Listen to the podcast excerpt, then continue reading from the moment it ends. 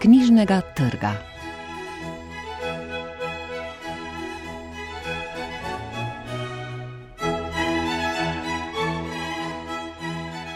Dobr dan. Oddaja z knjižnega trga tokrat odpira pogled v tri raznovrstne knjige.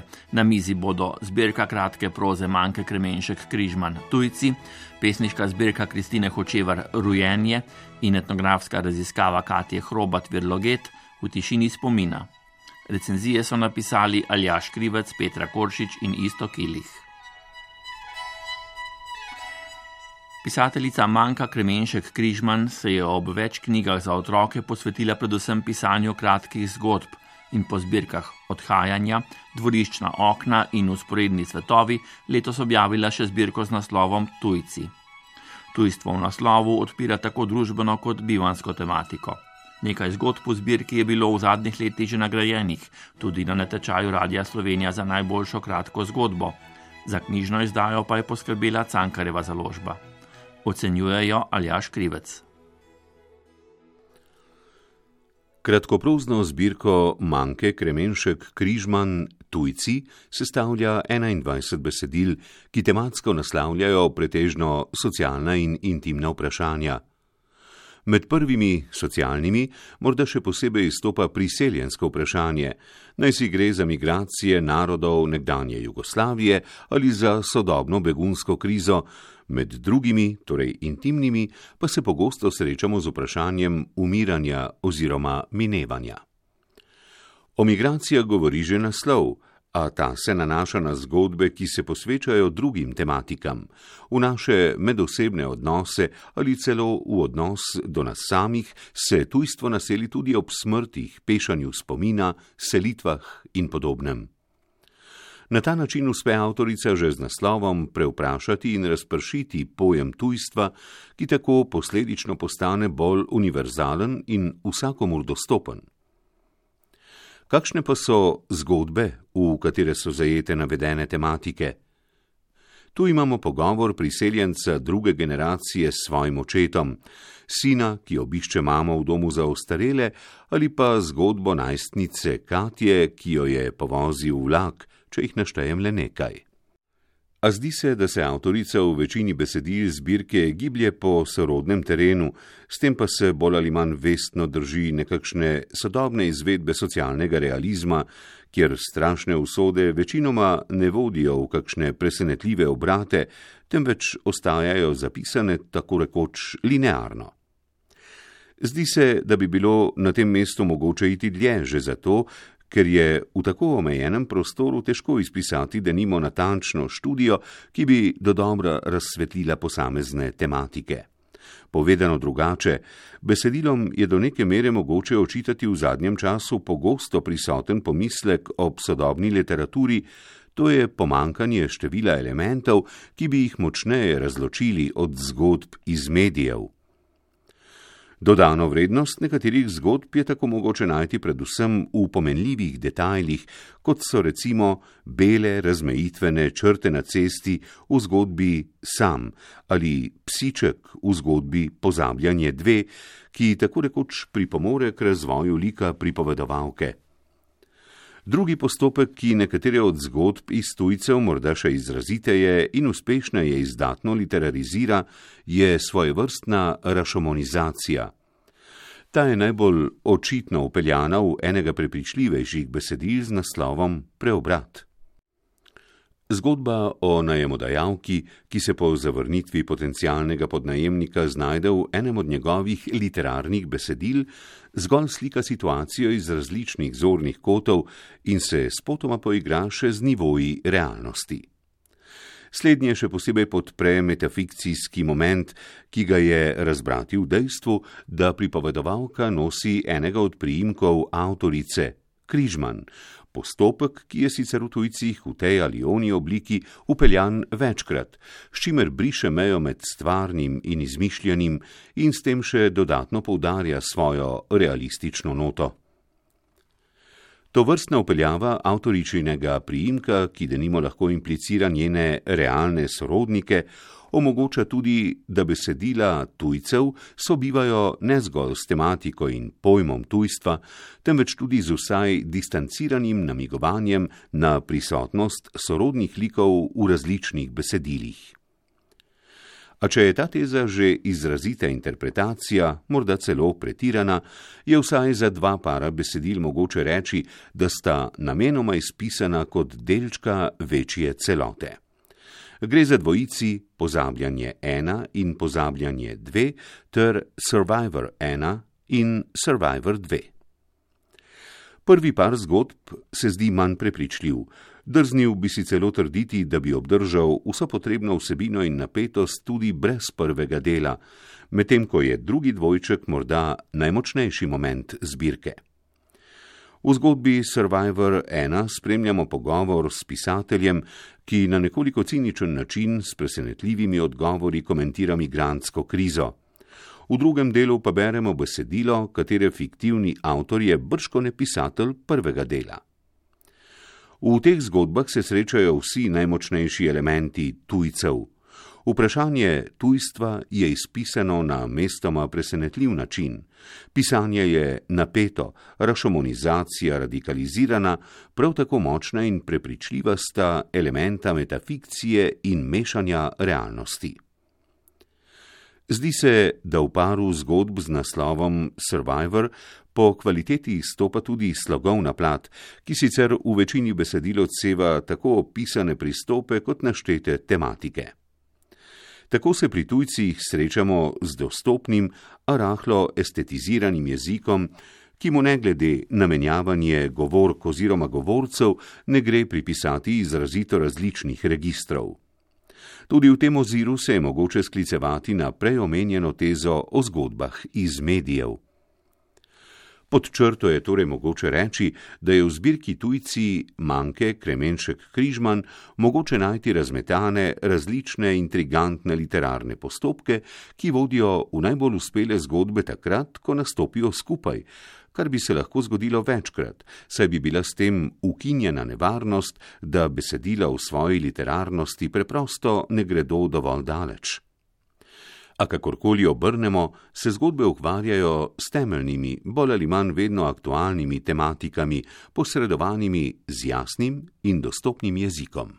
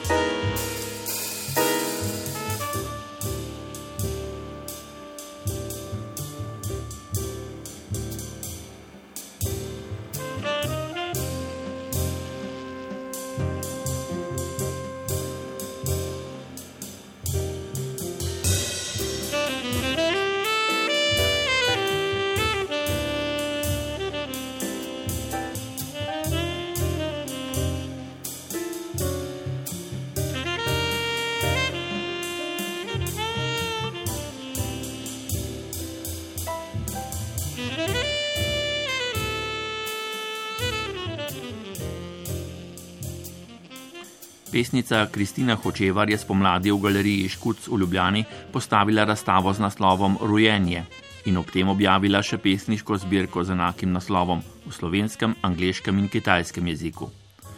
V spredje so prišla vprašanja o izražanju in izmožljivosti jezika, izgubljanju pri spominjanju, razumevanju in dobesednem ali simbolnem prevajanju oziroma posredovanju drugemu.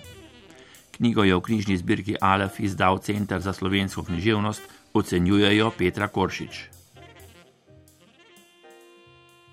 Kot osišča sedme pesniške zbirke Kristine Hočevar Rujenje izpostavljam večjezičje in večglasje spomin in njegovo izmuzljivost, ter iz knjige razbirajoče koncepte, kot so zasebnost, intimnost, družbeno, ter jezik in prevajanje v različne jezike in kulture, drugačne prostore, ter ne nazadnje sodobne tehnologije, tudi in predvsem komunikacijsko tehnologijo in njen učinek, pozitivni in negativni, na družbo. Zbirka Rujenje je nastajala ob istoimenski postavitvi Kristine Hučevar v galeriji Škuc v Ljubljani. Sledi se ji lahko skodo QR, ki jo najdete v knjigi. Obe umetniški praksi sta nastajali med pesniško rezidenco na Kitajskem leta 2017. Medkulturna izkušnja je pesnici med drugim omogočila spoznavanje drugačnih konceptov zasebnosti, intime, jezika.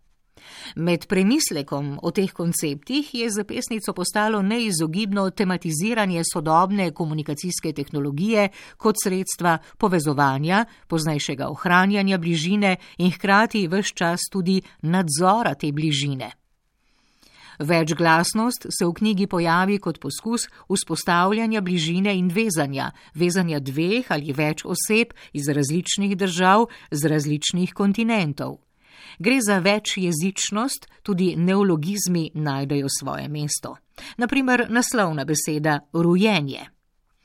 O branju knjige se odpre razmislek o prevajanju misli v jezik, o prevajanju iz jezika v jezik, v jezike, ki dosežejo učinek potujevanja, tudi izgubljanja v prevodu, izgubljanja v prevajanju, v egzaktnosti besednega zapika in obenem pokažejo najdanje prav tam v poskusu najnatančnejšega razumevanja pomena besede ali korena. Skozi trijezičnost slovenščine, angleščine, kitajščine pesnica poskuša prevajati izkušnje v svetu, jih plasti, nalaga, torej skriva in obenem razkriva.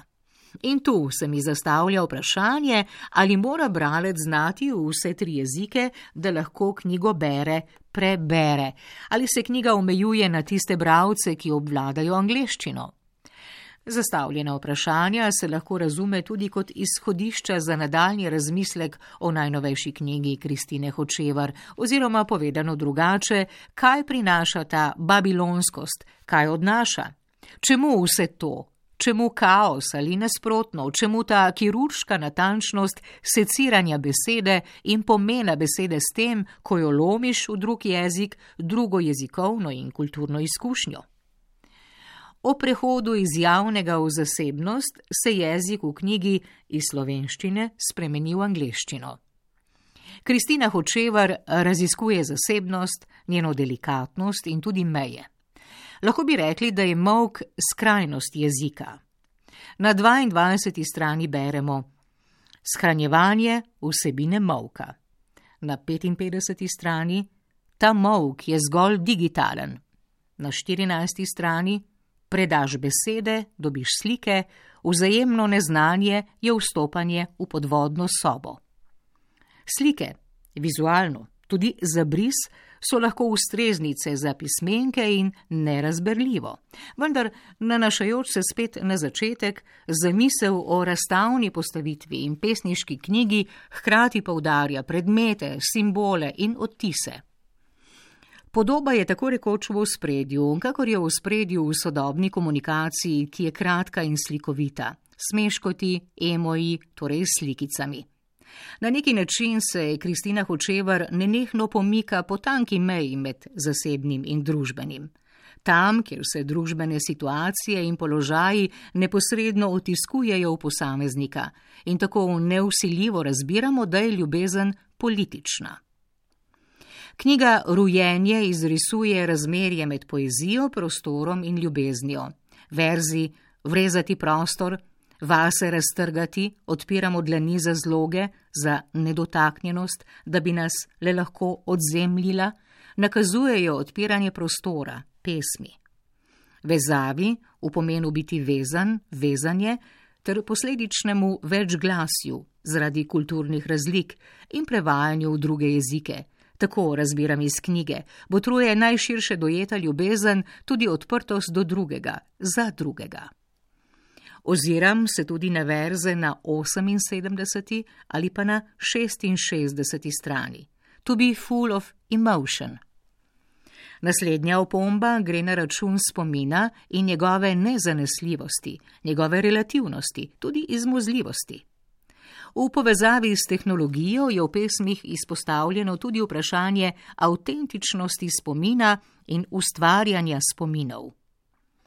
Na 60. in 62. strani so verzi o spominu in ukradenem spominu. Gre za zapisovanje spomina in družbene, kulturne in jezikovne razlike. Ta je enkrat fascinacija in drugič frustracija. Naj strnem. Sedma pesniška zbirka Kristine Hočevar Rujenje nadgrajuje tako imenovano pesniško raziskovanje v smeri razstavitve, razpada, rekonstrukcije jezika kot pesniškega sredstva, kar poznamo že iz prejšnjih zbirk in velja za pesničin osebni podpis. Še več, tu se besedni suhozid gradi iz besed v treh jezikih, kar gotovo bogati knjigo, vendar hkrati tudi vnese za dva kanca več bravskega napora, že sicer znanega pri soočanju s poezijo Kristine Hočevar, in zahteva več bravskega angažmaja, participacije v pesmi, pri razumevanju pesmi.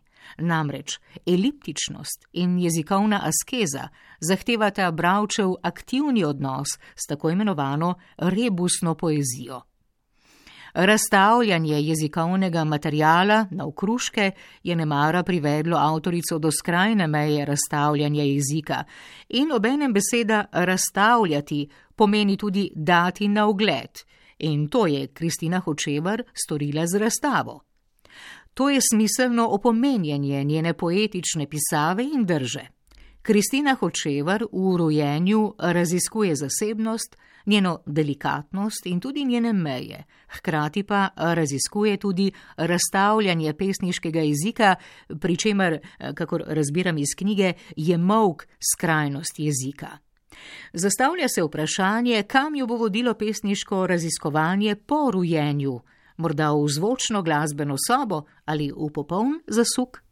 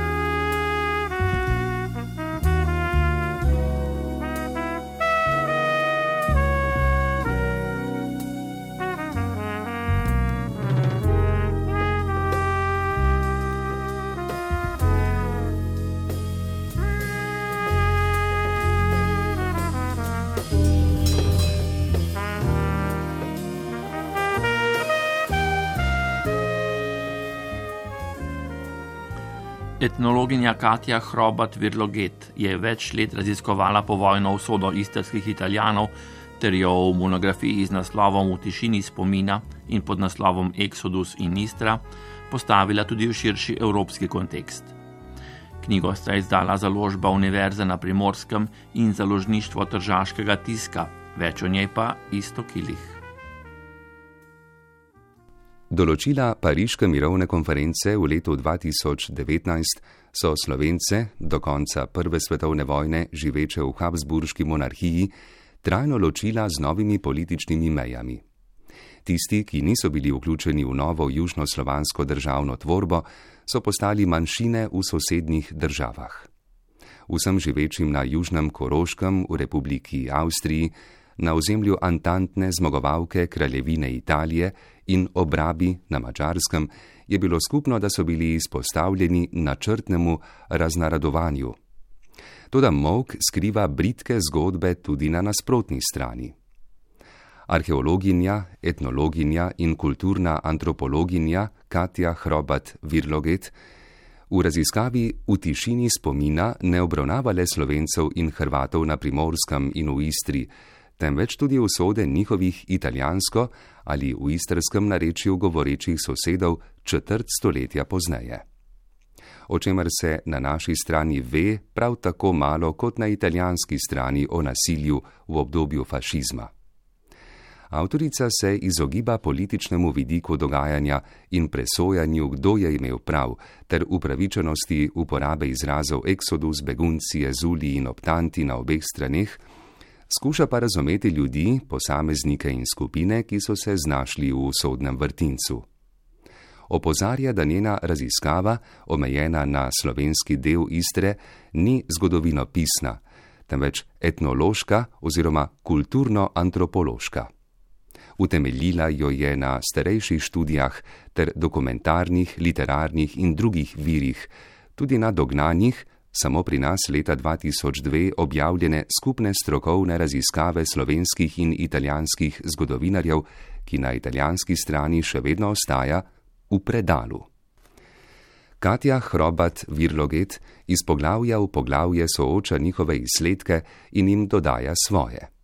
Večino jih je izluščila iz spomina malih ljudi, ki so se, izraziteje na ravni mesto podeželje kot na osnovi narodne pripadnosti, že med vojno, še bolj pa v desetletju po njej, znašli v primežu medsebojnih tren in obračunavanj, ki so se s politiko v ozadju sprevrgla v največje premike prebivalstva v tem delu Evrope.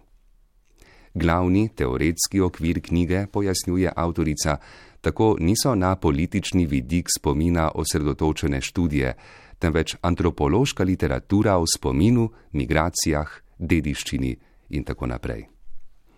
V pogovoru s 53 še živimi, za izmišljenimi imeni skritimi pričevalci in njihovimi potomci je, kot pravi, dala glas tistim, ki so ostali v tišini, ker se njihovi spomini niso ujemali z javnim diskurzom ne ene, ne druge nacionalne strani. Usode redkih, ki so se ji bili pripravljeni razkriti, so jo tako pretresle, da je morala, kot piše, najprej umiriti čustva in si otreti solze, ki jih je delila s sogovorniki. Po prvih objavljenih intervjujih je moralo miniti skoraj deset let, preden se je lahko lotila pisanja knjige z vidika ljudi, njihovih pogledov in čustev.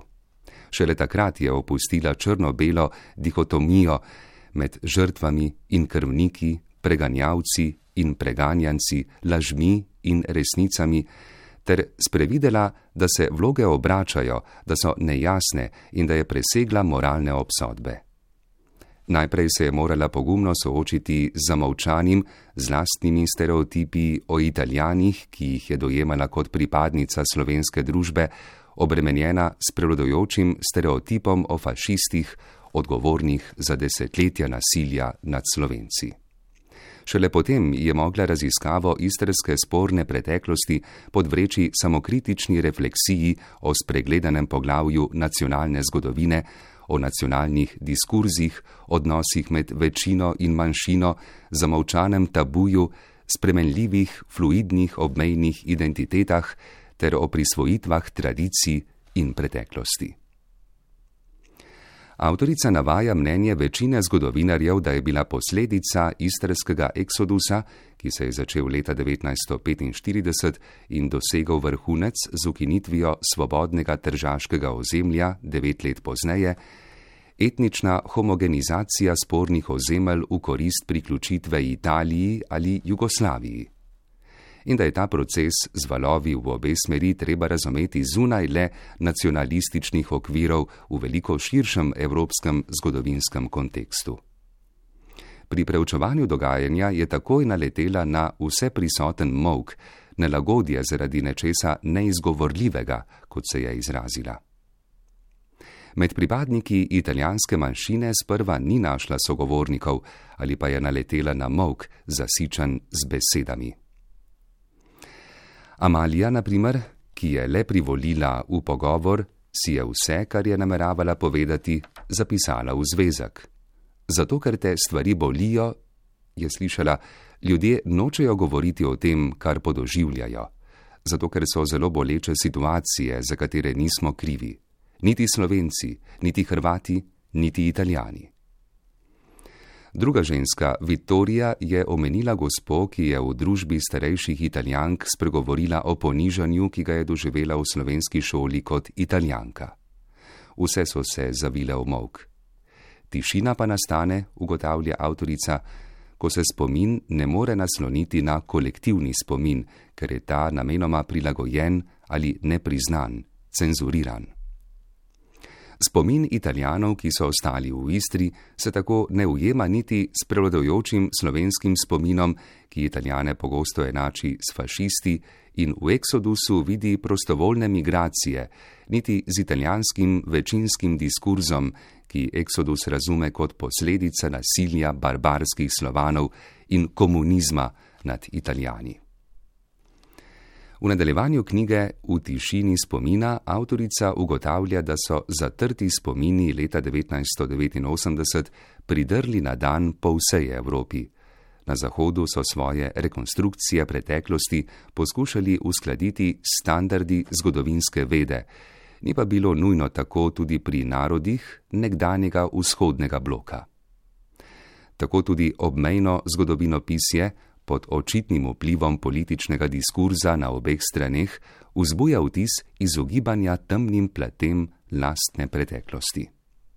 Med vzroki, ki so večini slovencev in hrvatov preprečevali empatijo do trpljenja italijanov kot krvnikov, Katja Hrobat Virloget omenja tudi pretekli odnos superiornosti slednjih v medsebojnih odnosih.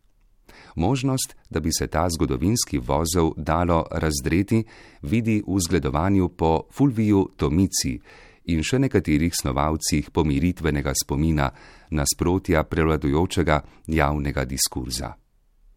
Tudi najvišji politični predstavniki obeh držav so v zadnjem času storili nekaj korakov v to smer.